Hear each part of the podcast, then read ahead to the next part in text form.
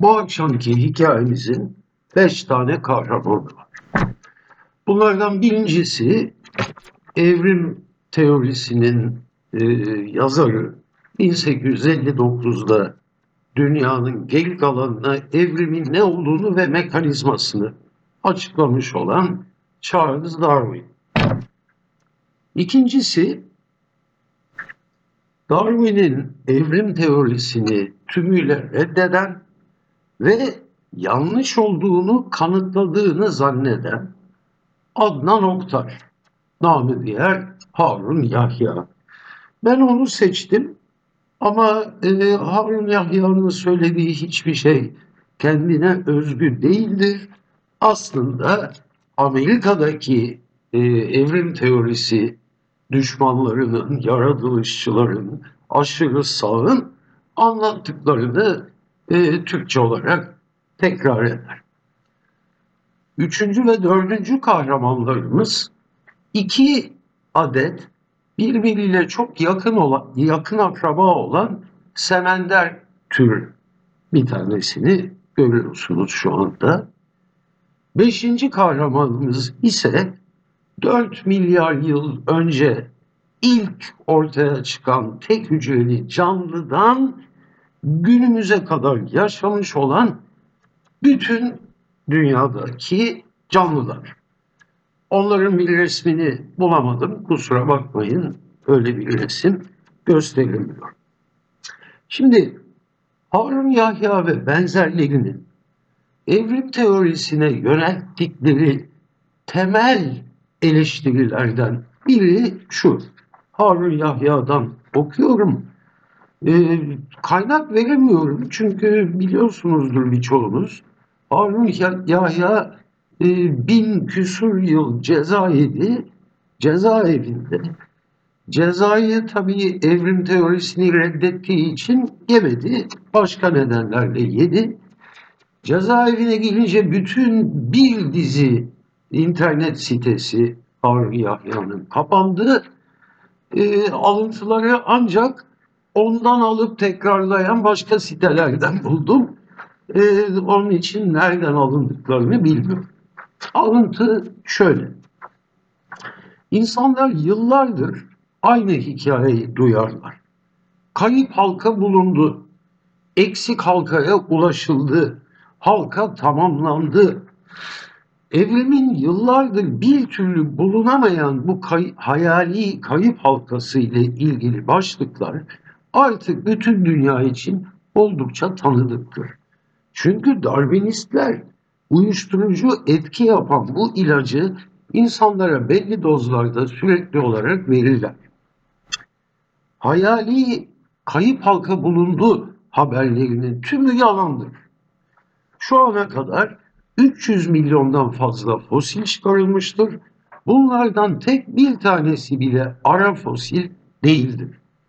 Şu ana kadar yapılan çağrılara, davetlere rağmen tek bir Darwinist, tek bir tane bile ara fosil getirememiştir. Şimdi arkadaşlar, e, benim yapmak istediğim şu. Birincisi, bu e, Harun Yahya'nın ve diğerlerinin aradığı kayıp halkanın niye bulunamadığını ve bulunamayacağını anlatmak istiyorum. Ama aynı zamanda e, dünya tarihi boyunca yaşamış olan bütün canlıların o ilk tek hücreliden e, sizlere ve bana kadar bütün canlıların bir anlamda kayıp halka olduğunu, ara tür olduğunu, yani hepimiz kayıp halkayız düşüncesini anlatacağım. Yani hem kayıp halka yok hem ama bir anlamda hepimiz kayıp halkayız. Şimdi şöyle başlayalım. Ee, önce Darwin ne diyor? Çok kısaca e, bunun üzerinden geçelim. Çünkü e, hücum altında olan bu. Darwin'in kitabının adı çok zaman unutuluyor. Ne yapmaya çalıştığını kitabın başlığında söylüyor. Türlerin kökeni. Yani Darwin'in sorduğu soru şu. Dünyada sınırsız sayıda ve inanılmaz bir çeşitlilikte e, hayvan, bitki, mikroorganizma, bakteri filan türü var. Bunlar nasıl oluşuyor?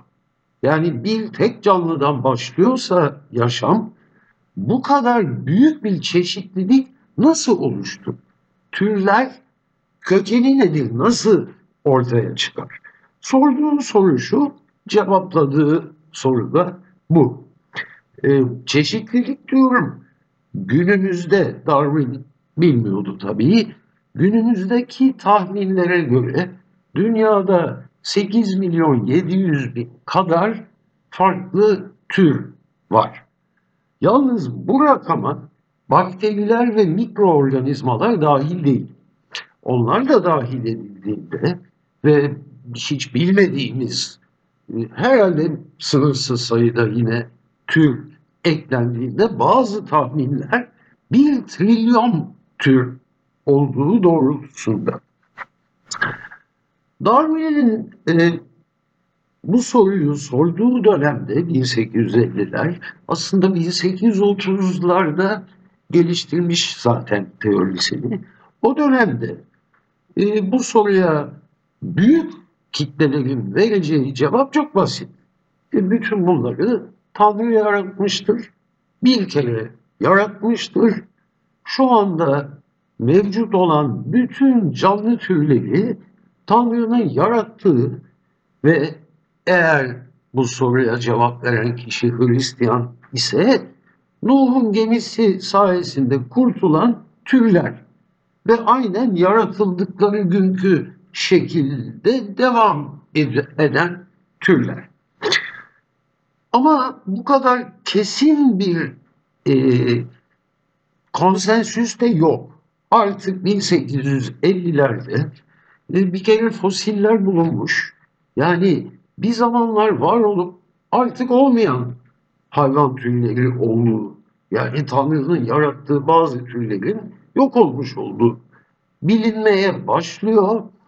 Ee, ikincisi evrim fikri, yani türlerin yavaş yavaş değişebiliyor olduğu fikri e, artık yabancı bir fikir değil. Bu fikri savunan çok sayıda e, bilim insanları arasında e, kişi var.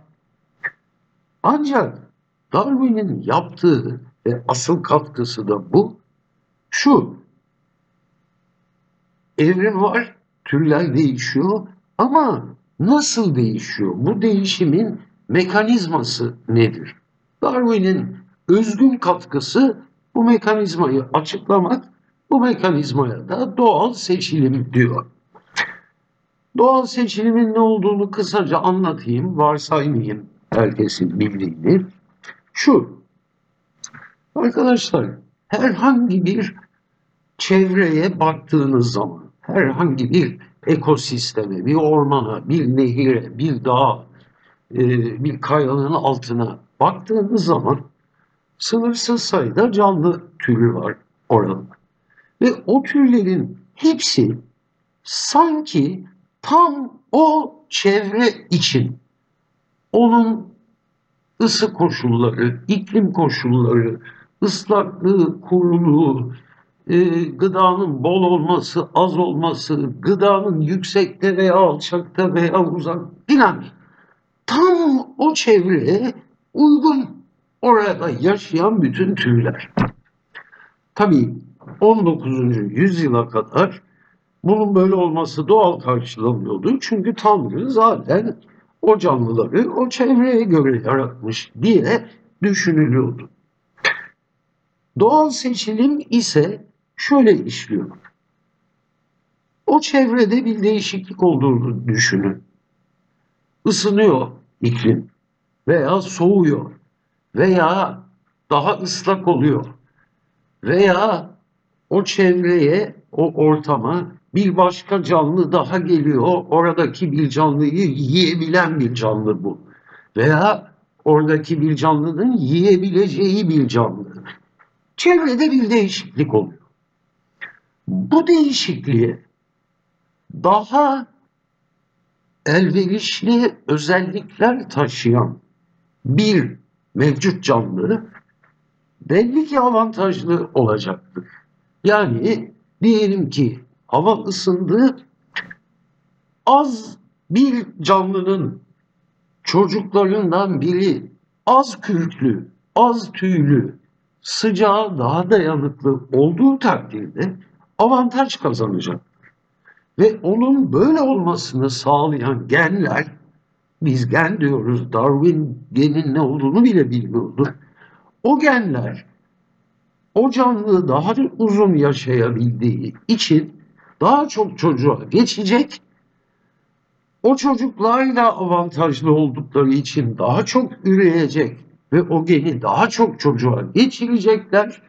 Zaman içinde sıcağa da daha dayanıklı bir tür ortaya çıkmış olacak. Doğal seçilim diyoruz. Yani sıcağa dayanıklı olmayı seçmiş oluyor doğa.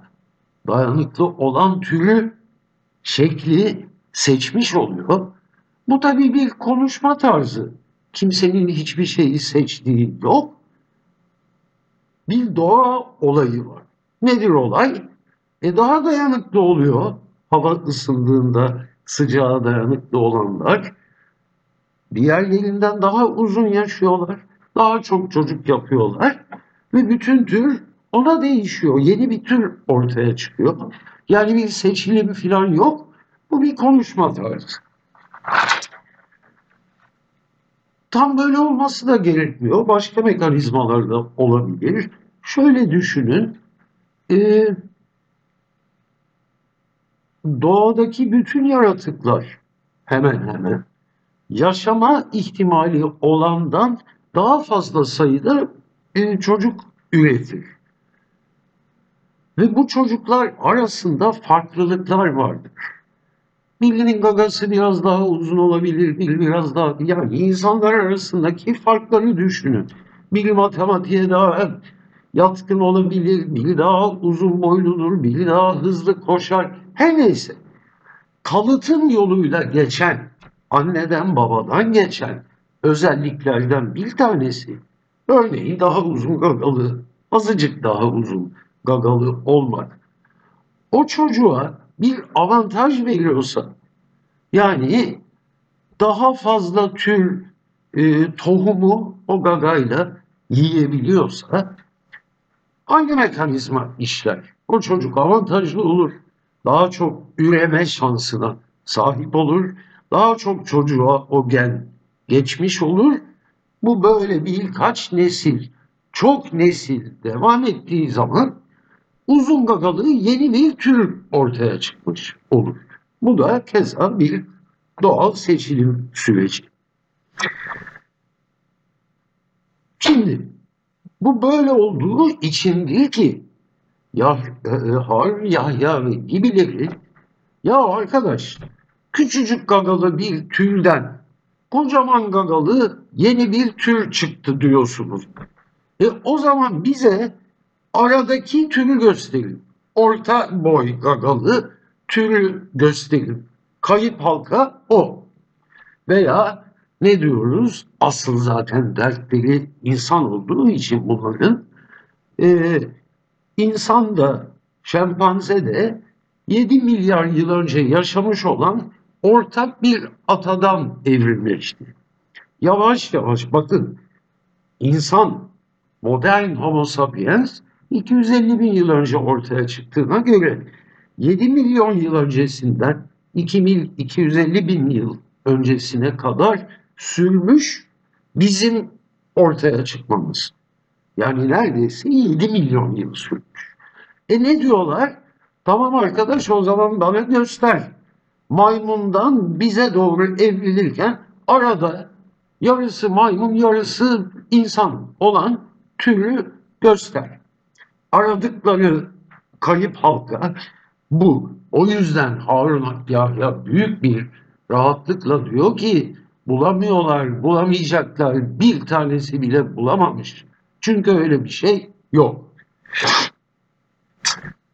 Bu kayıp halka arayışının ilginçtir.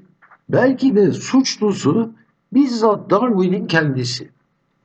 Çünkü Darwin inanılmaz bir entelektüel dürüstlüğe sahip olduğu için kitabının orta bölümü yanılmıyorsam yanlış hatırlamıyorsam 9-10 bölüm kitap ortadaki 4 bölüm teorinin sorunlarıyla ilgili. Yani ortaya bir teori atıyor. Sonra bizzat kendisi diyor ki ya şuralarda sorun olabilir. Üzerini örtmeye çalışmıyor. Diyor ki kitabımın bu kısmına gelene kadar 6. bölümde yazıyor şunları. Okuyucunun aklına bir yığın sorun gelmiş olsa gerek. Bazıları o kadar ciddi sorunlar ki bunları hala bugün sarsılmadan düşünmekte zorlanıyorum. Ama diyor kavrayabildiğim kadarıyla sorunların çoğunluğu sadece görünürde sorun. Görünürde değil gerçek anlamda sorumlu olanlar ise sanırım teorim açısından ölümcül bir sorun oluşturmuyor. Bu sorun ve itirazlar şu başlıklar altında toparlanabilir. Yani bakın eleştiri yapacak olanlara kolaylık sağlamak için şu başlıklar altında düşünebiliriz sorumlu konuları diyor. Birincisi, eğer türler algılanamaz ölçüde küçük aşamalardan geçerek başka türlerden geliyorsa nasıl oluyor da her tarafta sınırsız sayıda geçiş formları, ara türler göremiyoruz? Nasıl oluyor da doğa tam bir karmaşa halinde değil, gördüğümüz gibi iyi tanımlanmış ayrı ayrı türlerden oluşuyor. Tam işte kayıp halka diye e, ifade edilen sorunun e, özünü ortaya koyuyor. O tabii kayıp halka ifadesini kullanmıyor. E, Darwin hiçbir zaman böyle bir ifade kullanmıyor. Fark etmişsinizdir. E, ara türler, geçiş formları ifadelerini kullanıyor. Şimdi kendi sorduğu soruyu kendisi cevaplamaya çalışıyor. Diyor ki tüm zamana yani belli bir zaman aralığına değil tüm zamana bakarsak ve eğer teorim doğruysa aynı gruba dahil olan tüm türleri birbirlerine sıkıca bağlayan sınırsız sayıda ara varyant kuşkusuz mevcut olmuş olmalıdır. Ancak bunların delilleri ancak fosil olarak bulunabilir ve fosiller çok eksik ve aralıklı bir kayıt oluşturmakta. Yani diyor bütün bugüne kadar yaşamış olan her şey önümüzde duruyor olsaydı bütün bu ara varyantları yani dinozordan kuşa bütün o ara geçiş sürecini izleyebilirdik diyor. Ama diyor e, fosil olmadığı için sadece arada bazı türler görebiliyoruz. E, size bir fikir vereyim fosil bulmanın ne kadar zor olduğuyla ilgili olarak. E, bugün tahminlere göre e, yaşayan, bugün yaşayan türlerin yüzde beşinden daha azının fosilini bulmuş bulunuyoruz.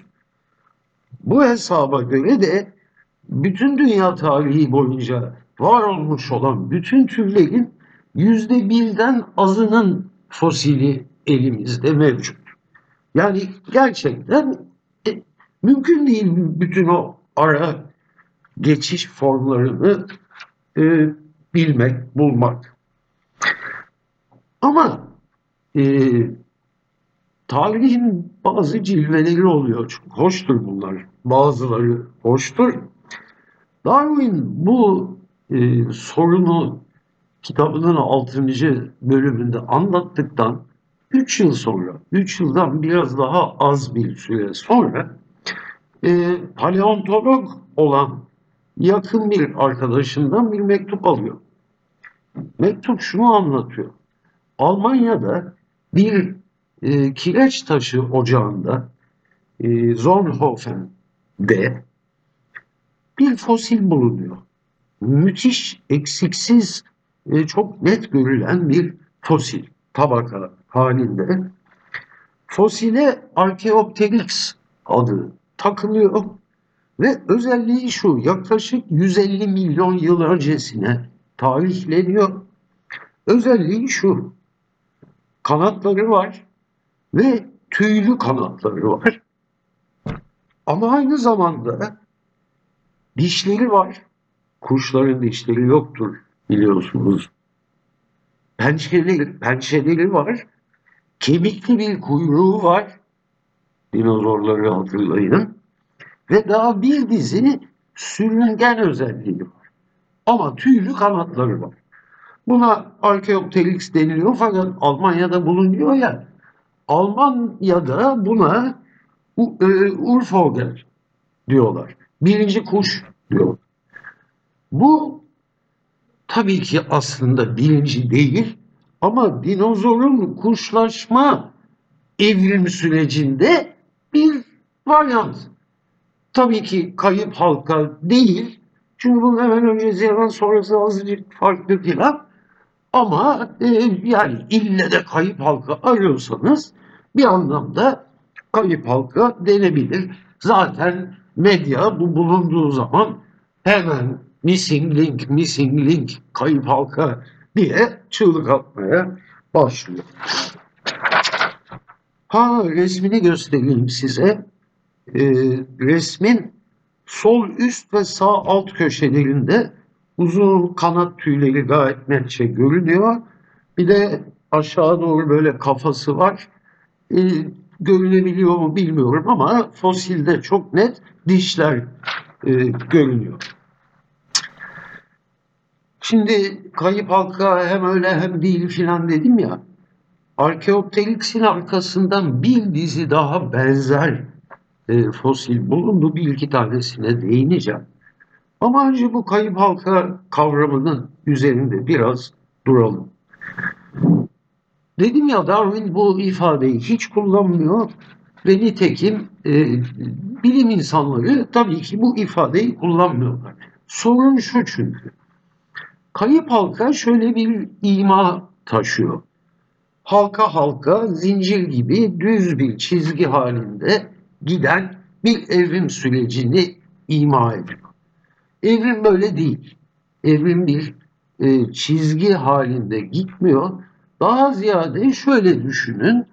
4 milyar yıl önceki ilk tek hücreli canlıyı e, bir fidan gibi düşünün. İlk yerden çıkan ağacın başlangıcı.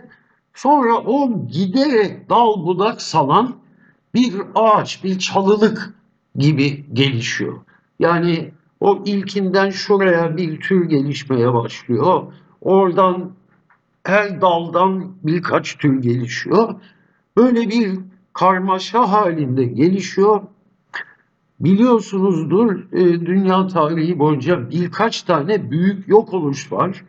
O zaman böyle dalların bir dizi bazı yok oluşlarda yüzde doksanı filan yok oluyor. Sona ermiş oluyor dal orada. Devam edenler tekrar dal budak salmaya başlıyor filan. Halka, e, kayıp halka fikri, bu zincir fikri e, bu anlamıyla yanlış bir izlenim yaratıyor evrim süreci hakkında. İzlenimler bir yana dursun. Bir de şöyle bir anlamsız beklenti var. O da dedim ya Harun Yahyaların iması şu. Yarı şempanze, yarı insan olan nerede? Belden yukarısı bana benzeyecek, belden aşağısı şempanze olacak. Bu, bu nerede diyorlar. Tabii ki böyle değil. Zaten o yüzden e, Darwin anlatırken e, algılanamayacak küçük, sınırsız sayıda algılanamayacak küçük değişiklik diyor. Yani ani bir değişiklik olmuyor. Olmadığı çok bariz. Çok kısaca düşünün. Yahu e, dünyada hiçbir canlının çocuğu başka bir canlıya benzemez. İnsan çocuğu insana benzer. Frank Armud'un çocuğu bir başka Frank Armud'u Frank Armud'una benzer. Yeni bir türe doğru gelişiyor olsa bile algılanamayacak kadar küçük bir fark olduğu için her yaratık kendini doğurana, annesine, babasına veya işte kendisine ulan bitkilerde nasıl bunu ifade edeceğimi bilemedim ama anlayın. Yani hepsi bir önceki atasının aşağı yukarı aynısıdır. Niye? E, çünkü onun genleriyle oluşuyor. Küçücük bir genetik değişiklik belden aşağısını maymun yapmıyor. Yaptığı takdirde ölür zaten. E, iyice garip olan bir çocuk.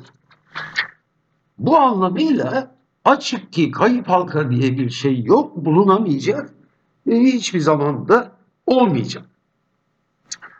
Ama bir başka anlamda da her, e, evrim sürekli ve her zaman olan bir şey olduğuna göre hepimiz aratıyoruz. Hepimiz kayıp halkayız. Çünkü hepimiz e, bir başka türe doğru bir evrim sürecinin bir parçasıyız. Ha ya da eğer insan söz konusuysa e, insan türünün sona ermesi günümüzde iklim değişikliği vesaire kapitalizm nedeniyle söz konusu olduğuna göre e, bir dalın sonuyuz, ucuyuz. Bizden sonra o dal bitecek. Ama bu anlamda hepimiz, bütün dünyadaki canlılar bir tür ara tür, geçiş formu. Şimdi arkadaşlar dedim ya Archaeopteryx'ten sonra e, çok sayıda e, işte kayıp halka denebilecek, o talebi karşılayabilecek fosil bulundu. Şimdi fosil bulmak tamamen şansa kalmış bir şey. O fosilin oluşması şansa kalmış. E, oluşan o fosili birinin gidip bulması da ayrıca ek olarak şansa kalmış. Ama bu şanslar sonucunda iki tane tür var ki bir at, bir balina. Bunun geçmişe doğru izini, bütün o evrim sürecini aşağı yukarı izleyebiliyoruz. Ha kayıp halkaların hepsini tabii ki bulamıyoruz ama 10-20 milyon yıllık aralıklarla bu hayvanın geçildiği bütün aşamaları ana hatlarıyla bulabiliyoruz. Ee, atla başlayalım. Önce göstereyim size. Ee, bunlar atın ataları. Ee, en küçük olan 52 milyon yıl önce yaşamış. En sağdaki en büyük olan bizim bildiğimiz at. Sol üst köşede ise e, atın ayağını görüyoruz arkadaşlar. Yani e, dört toynaklı bir hayvandan bildiğimiz tek toynaklı ata doğru geliyor. Bu bildiğimiz at 3,5 milyon yıl önce ortaya çıkmış. Bunun öncesinde geriye doğru gidersek Plesippus, Dinohippus, Pliohippus, Mersihippus, Parahippus, Kalobatihippus devam etmeyeyim arkadaşlar. 52 milyon yıl önce yaşamış olan Eohippus'a kadar e, kaç tane sayayım isterseniz 1, 2, 3, 4, 5, 6, 7, 8, 9, 10 tane e, ara tür fosilleriyle biliniyor. Eohippus 52 milyon yıl önce yaşamış olan yani bugünkü atın atası e, yaklaşık bir tilki boyutlarında bir hayvan. Balinanın soy ağacını göstereyim size. Burada da sol yani yukarıdan aşağı doğru e, 50 milyon yıl öncesinden günümüze, günümüzün balinasına kadar geliyor. En üstteki 50 milyon yıl önce yaşamış olan bir kara hayvanı arkadaşlar. Dört bacaklı bir hayvan. Ondan sonrakiler e, sonrakilerin çoğu hem karada hem hava e, denizde suda yaşayabilen amfibik hayvanlar e, bir aşamadan sonra artık sadece denizde yaşayan ama tabii ki memeli bir hayvan olan balina bir ilginçlik daha var. Dört bacaklı bir hayvandan evrimleşmiş olduğu için ben bunu Londra'da bir müzede gördüm. Günümüz balinasının iskeletinin arka iki bacağı var. Ama küçücük ve hiçbir işe yaramıyor. Ama orada duruyor. Gördüm ben. Ee, bir de tabii şu da ilginç. E, balina e, bir kara hayvanı olduğuna göre günümüz balinasının yakın akrabaları genetik anlamda, evrimsel anlamda akrabaları balıklar başka suda yaşayan yaratıklar değil, deve, domuz ve su aygırı. Yakın akrabaları bunlar. Peki arkadaşlar, son bölüme geliyorum. Doğa bize Harun Yahya'ya ve Amerika'daki e, mağara adamlarına özel bir gıcığı varmış gibi. Ben burada işte şöyle var, bu var, balina var, at var, arkeopteryx var filan dedim. Doğa bize ayrıca bütün aşamaları izleyebildiğimiz bazı türlerde sunma e, kibarlığını gösteriyor. Bir tanesi işte başta size göstermiştim bir semender. E, semendere kuyruklu kurbağa da diyorlar. İşte, kertenkele gibi bir şey. Ensatina isimli bir kertenkele ve e, bunun bir türü e, Amerika Birleşik Devletleri'nin batı kıyısında bir e, ne vadisi? San Joaquin Vadisi'nde yaşıyor. Vadi böyle kuzey-güney e, yönünde kıyıya paralel olarak e, uzanan 700 kilometre boyunca uzanan 60 kilometre doğu batı istikametinde genişliği olan bir vadi. Şimdi arkadaşlar bu vadinin güney ucunda bir işte bu El Satina semenderi yaşıyor. Bunun iki türü var güney ucunda. E, iki ayrı tür bunlar. Çok benziyorlar. Renkleri farklı ama şekilleri aşağı yukarı aynı. İsterseniz şu anda göstereyim size. Bu ikisi ama iki ayrı tür bunlar çünkü çiftleşemiyorlar. Tür e, kavramının en sık kullanılan tanımı bu. Çiftleşemiyor bu ikisi. Dolayısıyla ayrı türler. Fakat vadinin batı kenarından kuzeye doğru, vadinin en kuzey ucuna doğru yürümeye başladığımız zaman 700 kilometre yürüyeceğiz zaman zaman zaman bu güneydeki batıda yaşayan ensatina türü yavaş yavaş değişmeye başlıyor. Değişimi tamamen izliyoruz. Kuzey ucuna gelene kadar vadinin.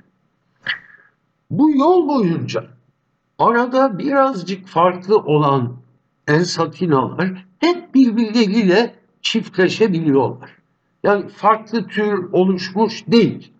Ama değiştiğini gözlerimizle izleyebiliyoruz. Çünkü renkleri değişiyor.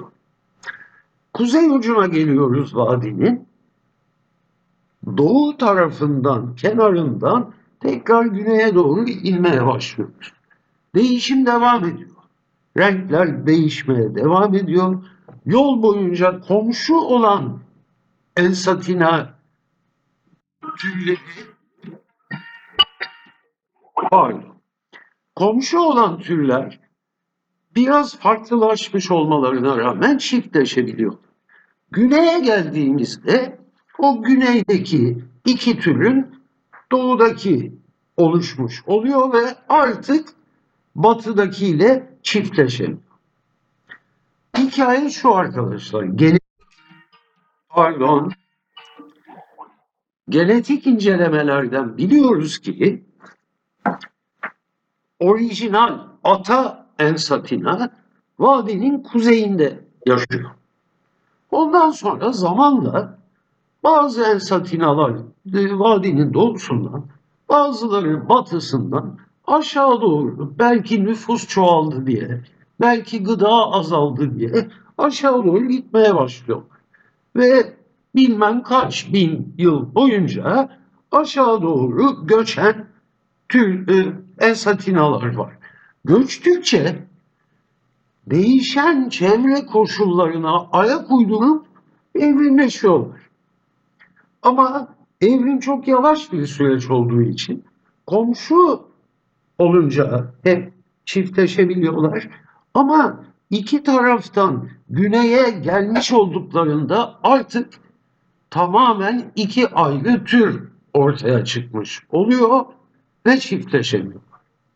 Ve vadinin iki tarafını izlediğimiz zaman o kuzeydeki ortak ata Ensatina'nın doğuda nasıl inerken evrimleşmiş olduğunu, batıdan inerken nasıl evrimleşmiş olduğunu tüm ara varyantlarıyla aynen izlemek mümkün.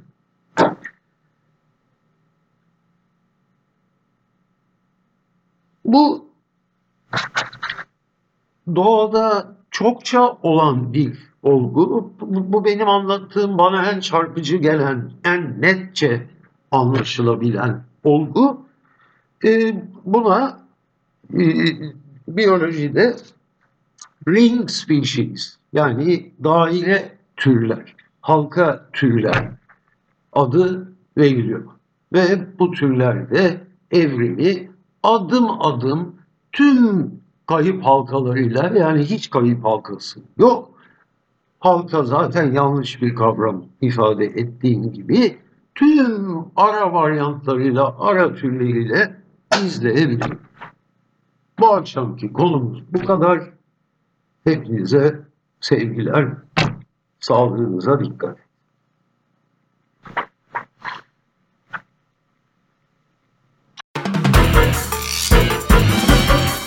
Güncel siyaset, kültür, işçi, kadın, çevre, göçmen ve LGBT artı haberleri ve Marksist teori için Marksist.org'u takip edin.